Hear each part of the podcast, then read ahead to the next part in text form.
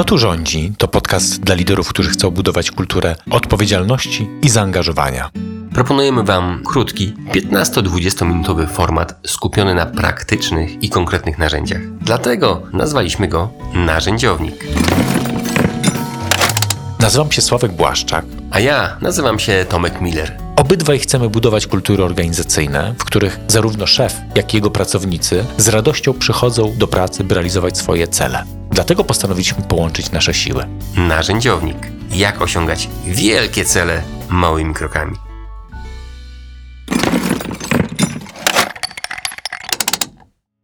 Cześć Sławku. Cześć Tomku, witaj.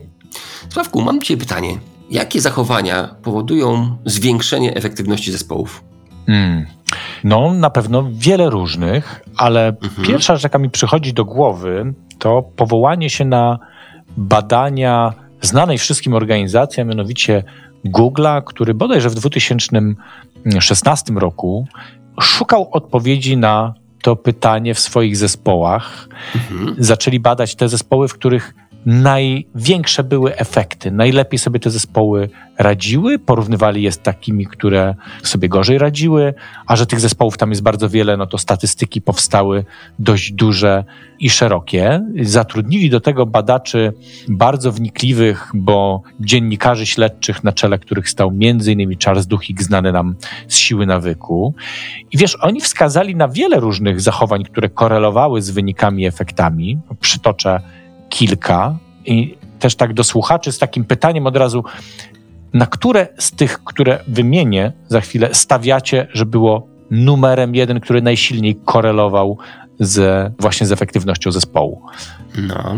A. Poczucie sensu pracy. A. Poczucie sensu pracy. B. Poczucie wpływu w zespole. Mhm. C. Niezawodność współpracowników. Mogę na nich polegać. Niezawodność. D bezpieczeństwo emocjonalne, bezpieczeństwo psychologiczne i E, taka klarowność, jasna struktura, transparentność informacji, to na które stawiacie Państwo. Ciekaw tu jestem mhm. bardzo. A ty, Tomku? Pomyśli. No, ja wiem, że ty znasz ja znam, tego badania. Ja znam tak. to badanie. No więc właśnie, więc mhm. tutaj zaskoczeniem dla badaczy, a dla ciebie, Tomku, już nie, ale zaskoczeniem dla badaczy był fakt, że najwyżej z wynikami, z efektywnością danego zespołu korelowało właśnie bezpieczeństwo psychologiczne, bezpieczeństwo emocjonalne. Mhm. I to mhm. była taka pierwsza ważna rzecz. Wszystkie te, które wymieniałem, miały znaczenie i miały wpływ, ale bezpieczeństwo emocjonalne i psychologiczne było najsilniejsze. Natomiast ciekawe było to, jak oni zdefiniowali to bezpieczeństwo, prawda? Bo znasz badanie, więc mhm. wiesz, że dość specyficzny sposób. Mhm. Słabo w takim razie, co zrobić, żeby to bezpieczeństwo psychologiczne no, zwiększało efektywność zespołu? Jak to sprawić? Czy masz jakieś takie podpowiedzi? Idąc właśnie dalej za tym badaniem, to oni wskazali takie dwa kluczowe parametry, dwa zachowania w zespole, które odkryli mhm. ku jeszcze większemu zdumieniu, że one stanowiły o tym bezpieczeństwie psychologicznym. One budowały taką, można powiedzieć, przewagę, że w tym zespole, jak te dwa zachowania występowały, to w zespole ludzie się czuli zdecydowanie bardziej bezpiecznie, a to, jak wiemy, już korelowało z wynikami. I to pierwsze zachowanie to było, nazywamy to share voice, czyli że w zespole jest przestrzeń dla każdego, żeby się wypowiedzieć. Nie jest ona równa, ale jest dla każdego dostępna. To znaczy, że ja na przykład mogę danego dnia, jak jest spotkanie zespołu, powiedzieć: Słuchajcie, u mnie tutaj się niewiele zmienia, więc ja nie będę może zabierał czasu antenowego, przekazuję głos koledze, a kolega powie, a ja mam taki temat, który potrzebuję przegadać, bo mam pewną propozycję, coś tutaj zamierzam zrobić, ale ciekaw jestem, jakie jest wasze zdanie, więc chętnie skorzystam z czasu. Mhm. A na kolejnym spotkaniu być może odwrócą się role.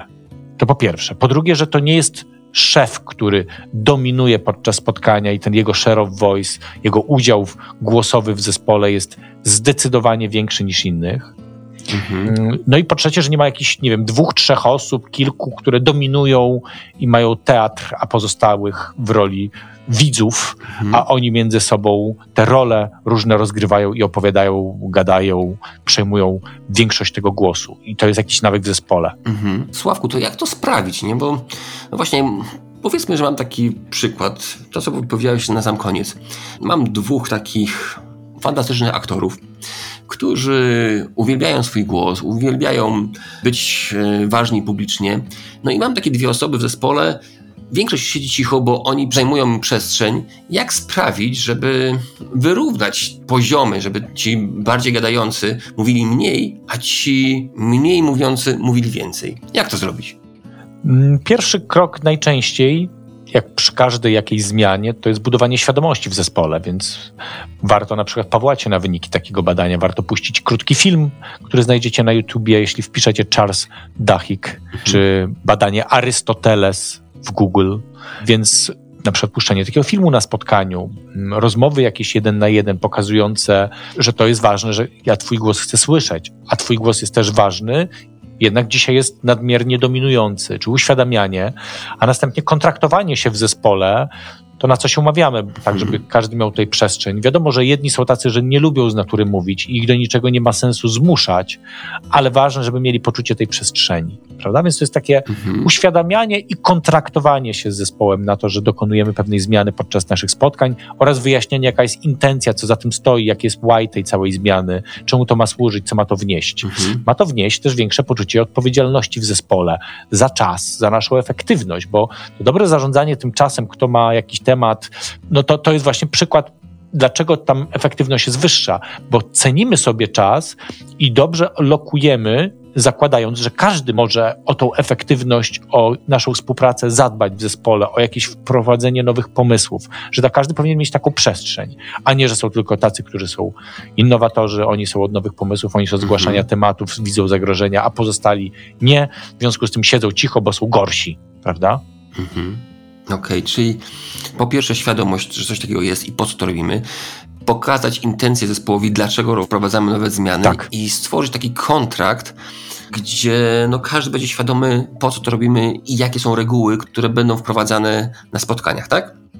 Tak jest. A dlatego ta mhm. efektywność mhm. rośnie, dlatego też rośnie kultura odpowiedzialności mhm. przy takich regułach typu share of voice w miarę porównywalny przestrzeń dla wszystkich do mówienia, bo każdy się czuje wtedy ważny w zespole. Każdy czuje, że może wpływać na ten zespół. Każdy czuje się współwłaścicielem tego zespołu, więc ta odpowiedzialność rośnie. Każdy czuje, że może mieć mhm. przestrzeń na dokonywanie pewnych zmian, modyfikacji. O to chodzi w kulturze odpowiedzialności, a za tym rośnie efektywność. Mhm. Tam jeszcze powiedziałeś jedną rzecz, która była wcześniej, że lider mówi na końcu. Mhm. Dlaczego lider mówi na końcu? Raczej ja trochę wiem, bo, bo lider ma taką pewną aureolę, nie? Tak. Jak zacznie mówić, to no wszyscy go słuchają i już wszystko dopasowują do tego, co on już powiedział. Dokładnie tak. Czy coś jeszcze? Dlaczego lider ma jeszcze mówić na końcu? Myślę, że to jest też dobry dowód takich walk the talk że jeżeli naprawdę zależy ci na tym, żeby był ten share of voice, to stwarzaj go najpierw dla pracowników, mhm. a siebie możesz umieścić na końcu, bo ty masz wiele różnych kanałów, kiedy możesz mhm. komunikować różne rzeczy. Stwarzaj kanały też dla pracowników podczas takich spotkań. Jest to taki dowód na to, że poważnie traktujesz tę zasadę, której jesteś orędownikiem, czy którą wprowadzasz właśnie tego przestrzeni dla wszystkich. Mhm. Ale tak jak powiedziałeś, mhm. myślę, że krytyczne jest to, co wymieniłeś, czyli że jak lider już coś powie, a nie ma bezpieczeństwa psychologicznego w zespole, to kształtuje myślenie innych, a właściwie odcina myślenie tak. sprzeczne z myśleniem lidera. Mhm. Nakierowuje innych na własne myślenie, a nie, tak. A nie wzmacnia kreatywność innych. Dobrze, to pierwsza rzecz to jest właśnie, żeby sprawić, żeby każdy na spotkaniu czuł się ważny i miał wpływ, no i to zakontraktować. Kolejną rzeczą, którą ty mówiłeś, jest słuchanie ostentacyjne, tak? Co to jest? Tak, chyba teraz się to od ciebie pojawiło to określenie. Ostentacyjne słuchanie to był drugi parametr. Mhm. To był drugi parametr, który tak. wyszedł im w Google jako krytyczny, który powodował, że jeżeli ono było, to powodowało, że to bezpieczeństwo, a docelowo efektywność rosły w danych zespołach. Ostentacyjne mhm. słuchanie wskazuje na to, że ja daję różne sygnały wskazujące na to, że słucham. Czyli nie tylko siedzę z miną wodza apaczów, wskazującą na to, że prawda, jestem bardzo spokojny, tylko ja jednak świadomie swoją mimiką, czy kiwaniem głowy, no daję jakieś sygnały, że słyszę, że rozumiem, że się zgadzam, albo daje jakieś wyraźne sygnały, że chcę coś powiedzieć, bo na przykład tutaj mam jakiś też pomysł, chcę to jakoś skomentować, chcę to jakoś być może zmienić, być może z czymś się nie zgadzam, prawda? Mhm. Czyli ostentacyjne słuchanie wskazujące na to, że i werbalnie, i niewerbalnie ja daję sygnały, że słyszę, co ty mówisz, dociera to do mnie i mam w związku z tym w ogóle jakąś reakcję wewnętrzną. Mhm. Albo się z tym zgadzam, albo nie zgadzam, mam jakieś pomysły, do czegoś mnie to prowokuje. No i to może się wydawać dość dziwne, a jednakowoż koreluje pozytywnie z wynikami zespołu, bo w takich zespołach w ten sposób okazywany jest szacunek Mhm. W takich zespołach okazywana też jest uwaga dla drugiej strony, że ważny jesteś dla mnie. Nie muszę się z tobą zgadzać, ale jesteś ważny dla mnie. Mhm. Nie olewam cię, nie ignoruję. O toksynach już nagrywaliśmy. Brak takiego oznak słuchania no i staje się toksyną, taką ignorowaniem. Albo nieświadome może być poczucie krytykowania, jeżeli patrzę na tą twarz apacza, który nie wyraża żadnych emocji e, podczas kiedy ja mówię. Mhm. Więc szczególnie jest to też ważne w świecie naszym online'owym, mhm. kiedy to bardzo łatwo jest się skupić na czymś innym. W ogóle mamy telefony wręcz przyklejone do ręki, podczas spotkań do nich zaglądamy. To nie jest przejaw ostentacyjnego słuchania. Zaglądanie do telefonów, do komputerów to jest przejaw ostentacyjnego niesłuchania. Mhm. Jak jestem w online i przeglądam maile w trakcie spotkania i zmienia albo strony www różne i zmienia się światło na mojej twarzy, no to daję niewerbalnie mówiącemu sygnały, zajmuję się innymi tematami, bo mnie nudzisz. Mhm. Ja wiem, że być może ktoś w ogóle nie ma takiej intencji, ale taki sygnał podprogowy może przekazywać. Mhm. Jest tam takie badania, które w jednej film było wprowadzone, że szefowa właśnie no, była taka osła trochę do swoich pracowników. Gdy zmieniała nastawienie, gdy zaczęła słuchać, dopytywać tych pracowników, co robili w ciągu weekendu, jak pracowali, w jaki sposób działają, okazuje się, że w ciągu dwóch, trzech miesięcy morale zespołu wzrosło o bodajże 60-70%. Niesamowite. A była w kryzysie tylko mm -hmm. dlatego, że ktoś zaczął słuchać pracowników. Także jest to mega istotne, że to słuchanie ostentacyjne, słuchanie kogoś ze zrozumieniem, nie tylko kiwanie głową mhm. i nie trzymanie przy sobie w trakcie rozmowy telefonu jest bardzo istotne na to, że ktoś czuje się ważny i dzięki temu się bardziej angażuje. Czy coś jeszcze o tym słuchaniu ostentacyjnym chciałbyś dodać?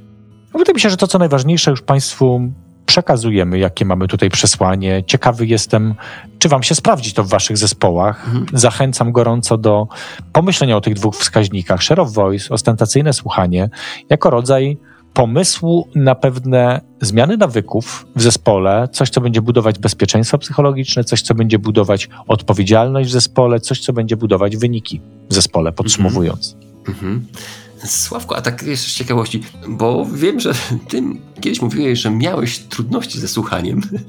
Mhm. Jak długo zajęło ci to, żeby nauczyć się słuchać? Bo uważam, że dzisiaj naprawdę uważam, robisz to fantastycznie. Jak długo tobie zajęło właśnie nauka takiego słuchania pracowników z twojego punktu widzenia?